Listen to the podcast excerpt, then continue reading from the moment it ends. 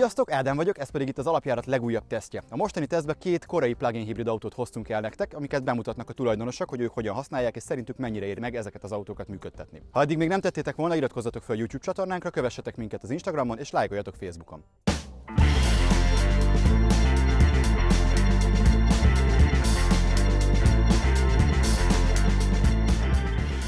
Miért lett Outlander? Nekem a lehetőségeim adottak a otthoni töltéshez, én már nagyon régóta kacérkodtam ennek a gondolatával. Gyakorlatilag 2019-ben lett lehetőség arra, hogy, hogy az autót lecseréljem, és akkor kezdtem el nézegetni, hogy, hogy mik a lehetőségek.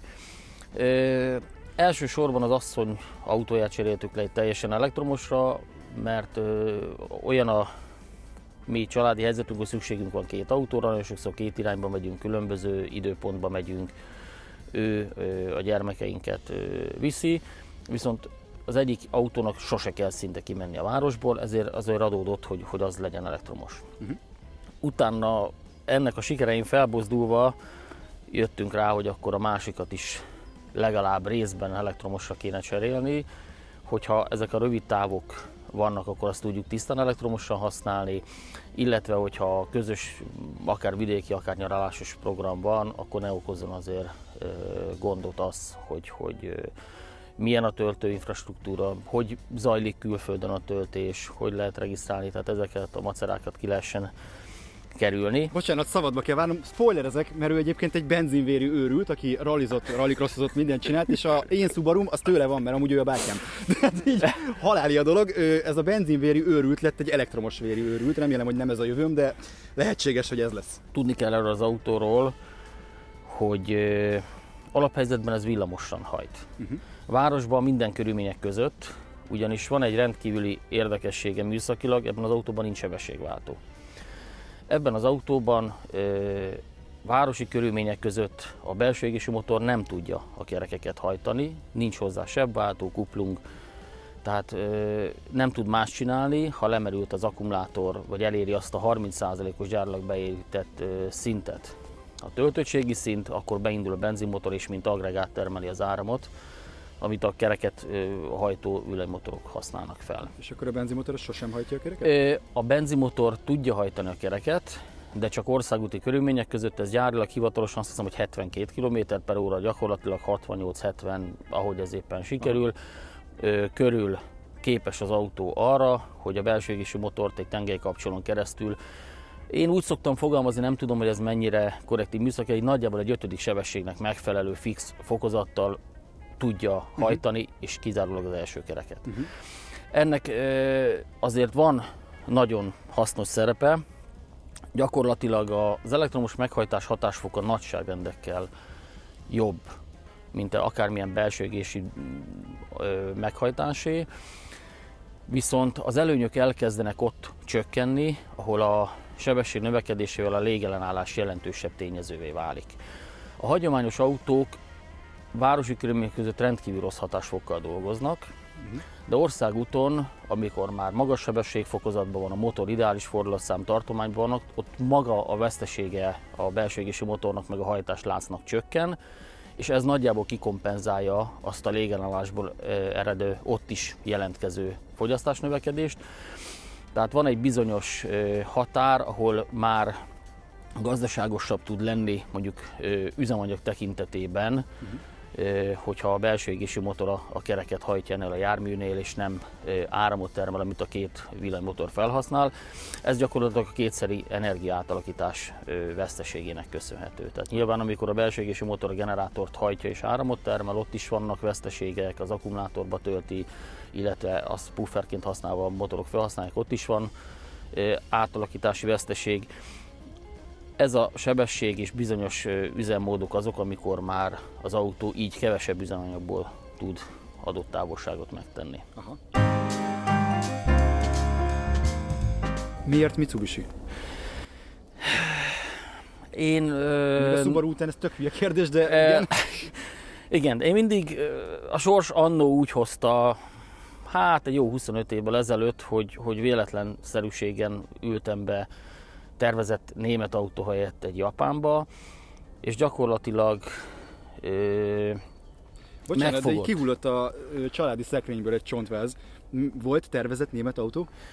E, hát 20 évesként ugye akkor még a keleti autók voltak itt az átlagok, és az ember szeretett volna valami nyugati autót, ez mi volt a legmenőbb? A Volkswagen Golf, és kacérkodtam a Volkswagen Golf, illetve kacérkodtam Peugeot 205-ös ö, megvételével, de a sors úgy hozta, hogy egy ismerős autókereskedő nagyon jutalmas áron egy Mazda 323-ast ö, ajánlott nekem, Egy GTX Mazda 323-ast. E, igen, és gyakorlatilag a megbízhatósága, a, a használhatósága révén üzembiztosság, szerelhetőségben e, annyira megfogott és annyira stabil volt az autó, hogy utána én elindultam ezen a, a japán vonalon, és amikor szóba került, hogy, hogy valami részben elektromos autóval támogatni meg a már meglévő elektromos autót, akkor nem viszonylag szűk volt a variáció. Tehát azért az anyagi ö, háttér és a keret erősen behatárolt volt. Kellett az, hogy, hogy kombi legyen, hogyha együtt vagyunk, nyaralunk, akkor, akkor megoldható legyen. Szükség volt nekem bontatási képességre is, mert van utánfutom időnként használom is. Én, mivel mindig benzines autóim voltak, és én nagyon sokat városban közlekedek, sokszor rövid távon, amire azt gondolom, hogy a dízelmotor nem ideális. Uh-huh.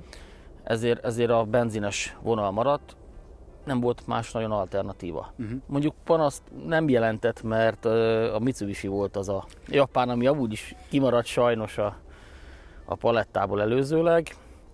Tehát így a, valahol a fejben felépített logikai gondolat, hogy, hogy mit szeretnék elvárni az autótól, meg az érzelmi szál, hogy a japánokhoz, és hát Mitsubishi sose volt, ez, ez így szerencsésen összekapcsolódott.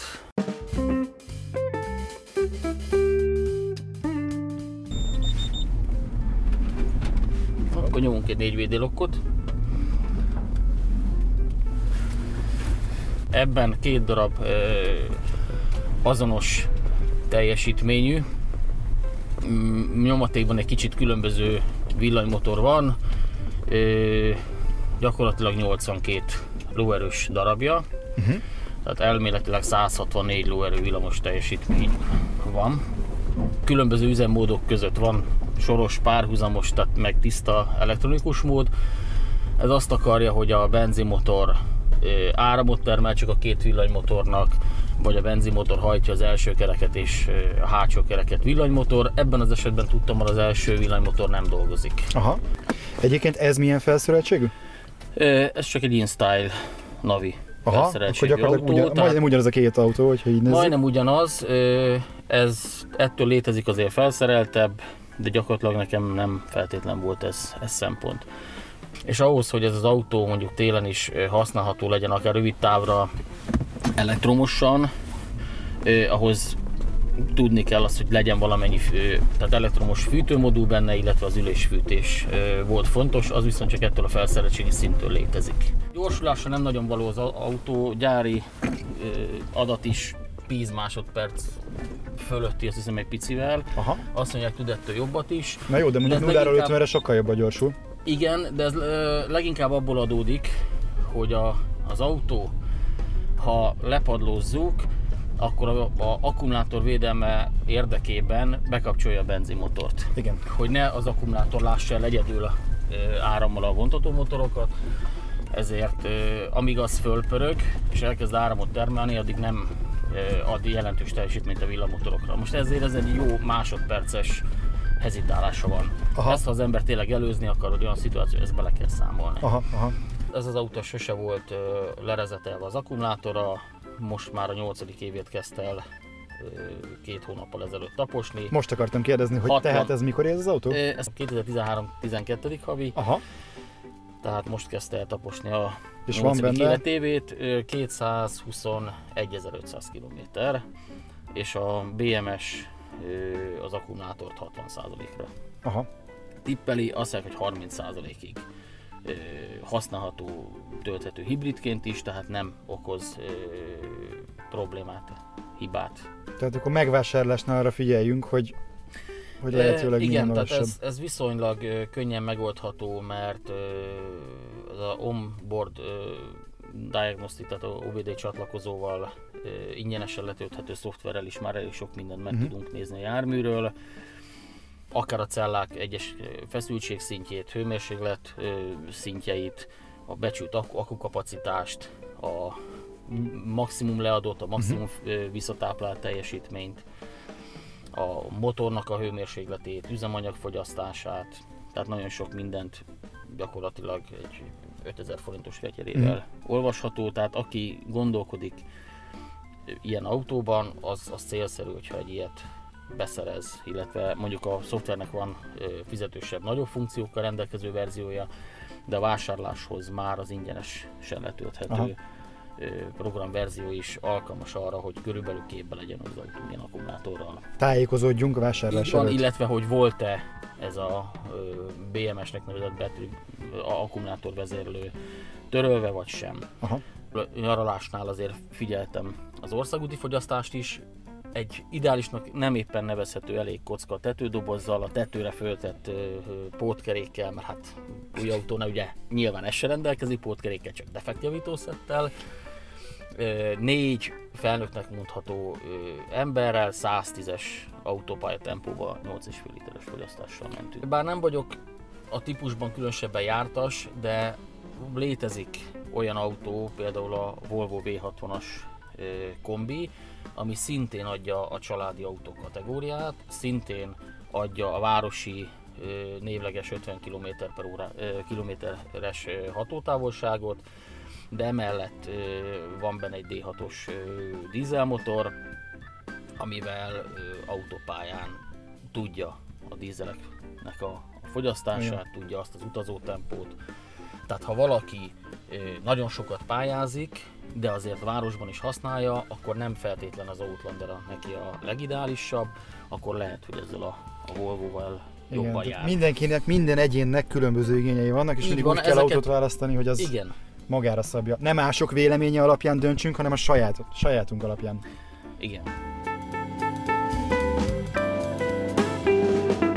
Napi szinten Ö, autót? napi szinten van ö, használva, ugye van olyan, hogy egy-egy nap, amikor szabad nap vagyok, napos vagyok és pihenek, akkor nem megyek, de gyakorlatilag heti 5-6-4 nap ö, megy. Túlnyomó részt városi közlekedés ö, a, a domináns, és ö, azt mondom, hogy olyan 20 és 40 km közötti napi táv, amit, amit megy.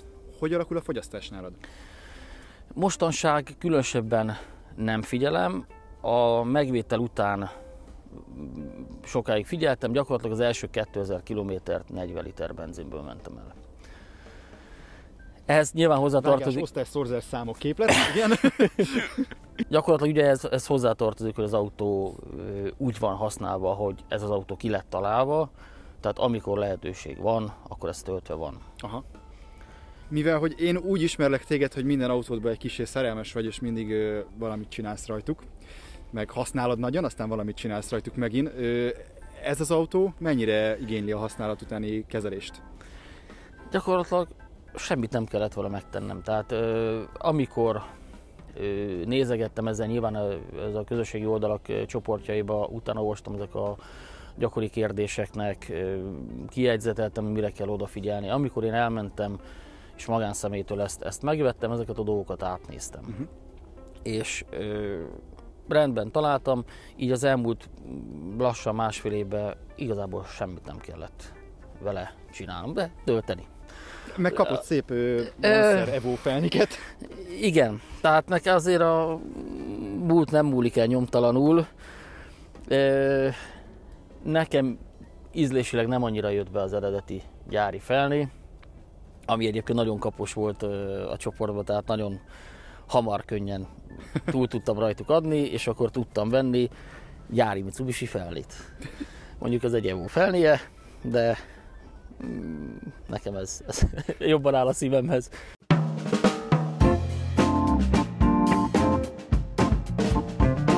Itt állunk tehát Zsolt szürke Outlander mellett, és az első kérdésem az az volna, hogy miért ez az autó? Hát azért, mert az előző autóm az egy családi kombi volt, és egy olyan autót terveztem ezután venni, ami, ami igazából ö, kiszolgálja ugyanazokat az igényeket, amit az előző. Viszont még az is felmerült, hogy ha már upgrade-elem ezt az autót, többet költök rá, akkor egy olyan, egy olyan típust sikerüljön találni, ami a mai kornak is részben megfelel, másrésztről fiatal és ezáltal kis sze- szervizigénnyel rendelkezik, és így találtam meg őt. De hogyha úgy veszük, akkor ez egy technológiának az eléggé korai kezdeménye, mondjuk a plug-in hibrid autók elején keletkezett. Igen. Nem féltél attól, hogy egy ilyen korai autó esetleg később problémákat okozhat? Hát próbáltam minél többet utána olvasni, hogy mik a tapasztalatok. Szerencsére vannak megfelelő fórumok, ahol, ahol sok információt lehet találni, Mhm. és ezáltal nem volt zsákba macska. Természetesen ö, tudott még így is újat mutatni az autó, de, de ezek nem okoztak problémát. Van-e bármilyen elköteleződésed német autók, japán autók, dél-koreai autók? Akartál mindenképpen Japánt, vagy, vagy ez csak azért lett, mert ez van? Alapvetően német autópárti voltam, az előző autóm egy Mercedes C osztály kombi volt, egy 2.2-es dízellel, bevált technológia, csak a kora miatt egyre több hibája jött ki, és ezt már nem voltam hajlandó finanszírozni, ezért, ezért megváltunk egymástól. Nyilván, amikor rátaláltam a, a, a megfelelő igények alapján, nem hozta, az, nem feltétlenül hozta egytől egyig ugyanazt a felhasználói élményt, ő teljesen más, másban jó, úgyhogy egy kicsit visszasírom azt, azokat az élményeket, amiket a, a, az előző autómmal szereztem, de nagyon sok újat kaptam a, a, az Outlander-től. Milyen gyakori használatban van az autó? Napi használatban? Napi használatban van, hát elővárosi köz. autó? É, igen, igen. Én Gyömrőről járok be Budapest belvárosába dolgozni. Ez napi ö, 40 km oda, 40 vissza. Szóval elvileg pont tudná a tisztán elektromos hatótávot, de mivel hogy a, a, az útvonalam nem, nem éppen optimális, és fel kell hajtanom az m 0 autópályára, ezért kénytelen vagyok időnként kigyorsítani 100 km per óra fölé, sűrűn beindul a benzinmotor emiatt, illetve a, itt ilyenkor télen is elég sokat beindítja a komputer, mindenképpen fogyasztja az üzemanyagot. Ha már így belementünk ebbe, akkor körülbelül milyen üzemanyagfogyasztási átlagaid vannak így a városi közlekedésben? Tisztán az elmúlt egy év alapján ö, 6,4 liter per 100 kilométeres átlagfogyasztásom van, de ebben benne vannak a nagyobb távok, Balaton, Debrecen, azért igen, mert te gyakran utazol Debrecenre is. Igen, Milyen igen, autópályán? Mert sokan, sokan fikázzák az Outlandert, hogy tök jó városban, mert tök jó elektromos oké rendben, de hogy autópályán a benzinmotor meg a bazin egy légellenállás miatt sokat eszik. Ö, igen, attól függ mihez képest. Az ő kategóriájához képest szerintem egyáltalán nem eszik sokat. Én többször mentem már vele tetőboxszal, illetve bodonhorgos kerékpárszállítóval.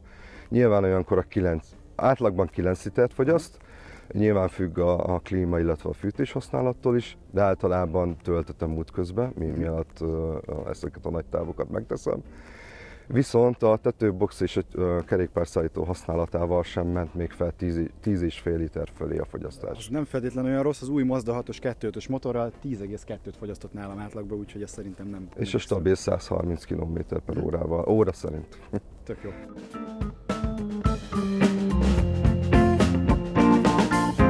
Nekem is a, vezetési szokásom, vagy stílusom ebben az autóban rengeteget változott az elmúlt egy évben, mert amikor megvettem, folyamatosan arra törökedtem, hogy kiszedjem belőle azt a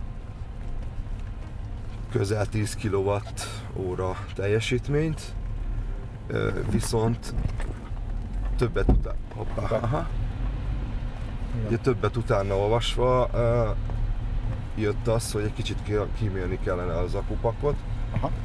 Ahogy említettem, én 40 kilométert megyek a munkahelyemig, és ugye autópályán pikpak elfogy ez a teljesítmény, de ahhoz, hogy kiméljük, ö, most már tudatosan bemelegítem a, a belső égési motort enyhe időben is, Uh-huh. hogy mire felmegyek az autópályára, addigra ne egy hideg belső égésű motort kelljen bekapcsolnom, Aha. És úgy kigyorsítanom a nullásra. Lakott területre érve pedig kikapcsolom ezt, ezeket a funkciókat, Aha. és megfelelő gáz adagolással megpróbálok tisztán elektromosan hajtani.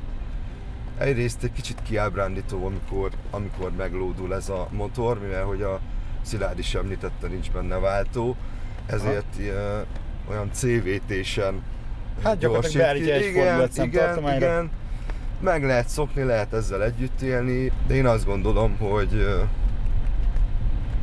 aki, aki megfelelő információ beszerzés után amellett dönt, hogy ezt az autót választja és megvásárolja, annak nem fog gondot okozni egy ilyen kompromisszum. Tehát ez egy 2014-es, 4 ö, ö, novemberi. 2014 novemberi, ö, milyen felszereltségű autó ez? Ő az InStyle felszereltség, X-Line kiegészítéssel. Aha. Ugye ez csak egy külső ö, pakett, Ja, az a műanyag sárvédőív, Igen, perem, meg igen, az ilyen. igen, aha. igen. Hát tulajdonképpen ez, ebbe az autóban benne van egy csomó olyan dolog, ami az új autókban is benne van, és az alapkényelmi funkciókat ellátja. Igen. Azt leszámítva, hogy például én, én ki vagyok a, a 14-ben gyártott uh, multimédiás interfésztől, hogy miért érdemes uh, azért védeni az ilyen durvább uh, szakaszoktól. Nyilván, nyilván meg van erősítve az alja, de azért nem lehetetlen felütni a- az akupakkot. Uh, és eléggé baleset, balesetveszélyes, szóval akinek ilyen autója van és még, még nem nézett annak utána, ezt is szintén az interneten hamar meg lehet találni, hogy hogyan lehet minél hamarabb feszültségmentesíteni az akupakkot. aha, Egyébként itt a hátsó üléssor lábterénél van egy fedlap, Aha. az alatt van egy ö, ö, hát úgymond kapcsoló, amivel feszültségmentesíteni lehet, vagy le lehet választani a, az akupakkot. Gondolom, hogy a tűzoltók erre azért fel vannak készülve, viszont Hát ugye, egyébként ez egy nagyon, ez egy érdekes probléma, mert felmerült már ez a gond Teslákkal kapcsolatban, és pont a Mark, ö, Mark csinált egy, egy ilyen kis ismertetőt a Tesla áramtalanítással kapcsolatban, mert pont a tűzoltóságnál volt ez probléma, uh-huh. hogy, hogy valamelyik típusnál nem tudták pontosan, hogy hogy kerül keresztbe vágtak valami nagyon fontos vezetéket, nagyon nagy kárt tettek az autóba ezzel. Uh-huh. Ha nem, túl, nem súlyos ez a, a felütése az akupaknak, szintén van rengeteg médiatartalom, ami azt mutatja be, hogy hosszú idő múlva beázik az akupak, a beázás miatt ugye a, a szigetelés ellenállása változik az akupaknak, letilt és trailer a vége. Az szép. Tehát a lényeg az, hogy ö, sziklás hegységben nem menjünk offroadozni Outlanderrel haspáncél Nem, nélkül, mert nem, okozhat nem, problémát. Nem, nem. Az autó lényege az ugye az, hogy ez egy tölthető hibrid, tehát hogy nem csak magát töltögeti, hanem be lehet dugni a konnektorba és lehet tisztán elektromosan is használni. Ti ezt a funkcióját mennyire használjátok? Én napi, szint, napi szinten egyszer, minimum egyszer, de ha tehetem, akkor kétszer töltöm. Ez azt jelenti, hogy otthon mindig rádugom a hálózatra, illetve a munkahelyemen szerencsére van, van rá lehetőség. Mind, mind belső töltő, mind ö, közterületi töltőről visszatölteni az elfogyasztott energiát. Akkor, hogyha már így belementünk, tudsz esetleg olyan fogyasztási átlagot mondani, ami kifejezetten városi napi használatra? Satsz per kb. Mert ugye a 6,4-ben benne volt az országúti 10 liter fölötti, meg az autópályás 10 liter fölötti fogyasztás, de hogyha töltögeted, akkor gondolom viszonylag keveset eszik. Igen, ö, hát azt tudom megmondani, hogy amikor csak ö, bemegyek és hazajövök a munkából, akkor általában ilyen 3 liter, 3 és fél liter körüli fogyasztásokat érek el ö, optimális időben. Azt már észrevettem, hogy a klíma kevesebbet fogyaszt, mint a, a, a fűtés. A fűtés az, ha jól tudom, 4,5 kW-os teljesítménnyel tud működni, maximális teljesítményen. A hűtő teljesítménynél nem tudom, hogy mekkorát vesz fel. Emiatt ez a 3-3 és fél liter inkább a jó időben, ilyenkor télen ez felmegy egy ilyen 5,5 és fél literre. Mint ahogy minden normál belső égésű autónál is ugyanígy fölmegy, tehát ebben nincsen semmi extra, akkor te egy tudatos plug-in hibrid felhasználó vagy. A másik kérdés az volna, hogy milyen műszaki problémákkal küzdöttél meg, mióta megvan az autó. Hát azokkal a műszaki problémákkal küzdöttem meg, mint mindenki más. A típushibákon kívül nem volt ö, ö, semmilyen kirívó dolog. Amit már tudtam a megvásárláskor, hogy az első teleszkóp porvédőit kell cseréltetnem. Átvizsgálás során kiderült, hogy a testkábel az nem volt igazán megfelelő, úgyhogy azt is cserélni kellett, illetve a hátsó villanymotornak az egyik szilentjét Mhm. kellett kicserélni. Uh-huh.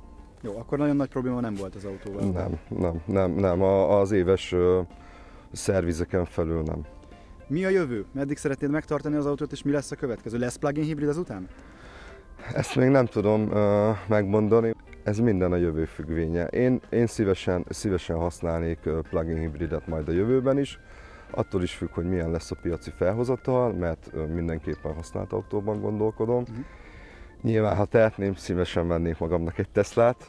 Jó, de Magyarországon élünk, ugyebár? Igen, igen. Uh, valószínűleg plug-in, plug-in hibrid lesz a következő, de nem tudom megmondani, hogy milyen típus korai plug-in hibridek révén azért van egy-két hiányosság ezeknél az autóknál is. Például Szilárd kocsának a hátulján észrevettem egy lakatot, de úgy tudom, hogy ezzel kapcsolatban mind a kettőtöknek van már tapasztalata. Miért szükséges lakatot tartani az autóban? Hát gyakorlatilag ez egy, egy biztonsági jó víztészkedés, mert hát sajnos Magyarországon könnyen előfordulnak olyan esetek, hogy egyik polgára másiknak kárt okoz. Egy töltőkábel ami az autóhoz jár, azért ez egy 50-60 ezer forintos tétel. És mivel ez egy Type 1 típusú csatlakozóval rendelkező, tehát ez az elsők között létező szabvány, az autó nem reszete, re, reteszelte a csatlakozót, Aha. tehát bármikor töltés közben ez kihúzható. Ha ezt a felét az autóból kihúzzák, akkor már a, a töltőoszlopról a másik fele könnyen kiúszható és elvihető az 50 ezer forintos kábel, ezért egy lakattal szokták Félértés ne essék, nem azt promózzuk, hogy hogyan lopjátok el a kábelt, hanem hogy hogyan védjétek meg, hogy ne, lopjátok, ne lopják el. Neked mi volt a tapasztalatod a kábellel kapcsolatban? Hát ugyanez, mint a Szilárdnak, mert ugye az utcai töltőkábelnél ez fennállhat, az otthoni az már úgy van kialakítva, hogy arra egy pici lakatot már eleve rá lehet tenni. Igen. Oh, és annak az oldó gombját egyszerűen nem, le, nem tudod lenyomni, amíg el nem távolítod ezt a lakatot, viszont az utcai kábelt azt viszont így kell sajnos megvédenünk.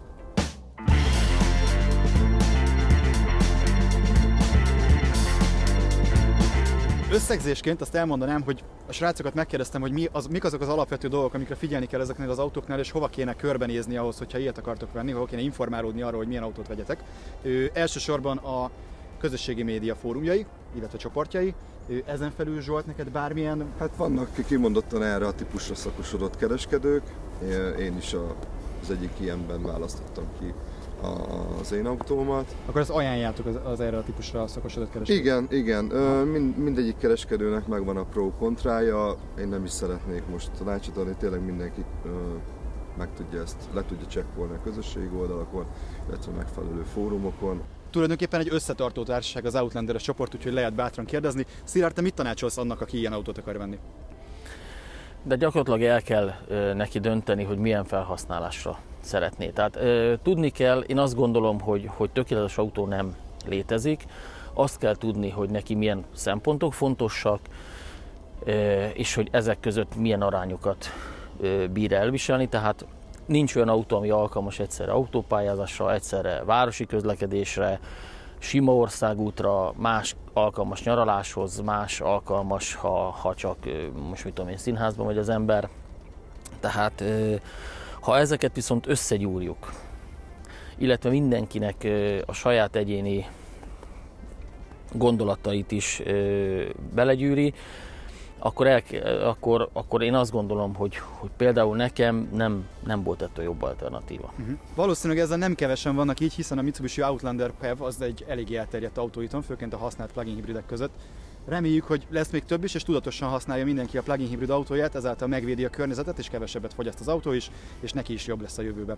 Köszönjük, hogy velünk tartottatok, hogyha tetszett a mai műsor, akkor iratkozzatok fel a YouTube csatornánkra, lájkoljatok minket Facebookon, és kövessetek minket az Instagramon. Ha ti is plugin hibridet használtok, akkor írjátok meg tapasztalataitokat a kommentbe a videó alá, légy szíves, illetve hogyha bármi más hozzátennétek még az infokhoz a Mitsubishi Outlanderekkel kapcsolatban, akkor azt se hagyjátok magatokban. Köszönjük, hogy velünk tartottatok. Sziasztok! Sziasztok!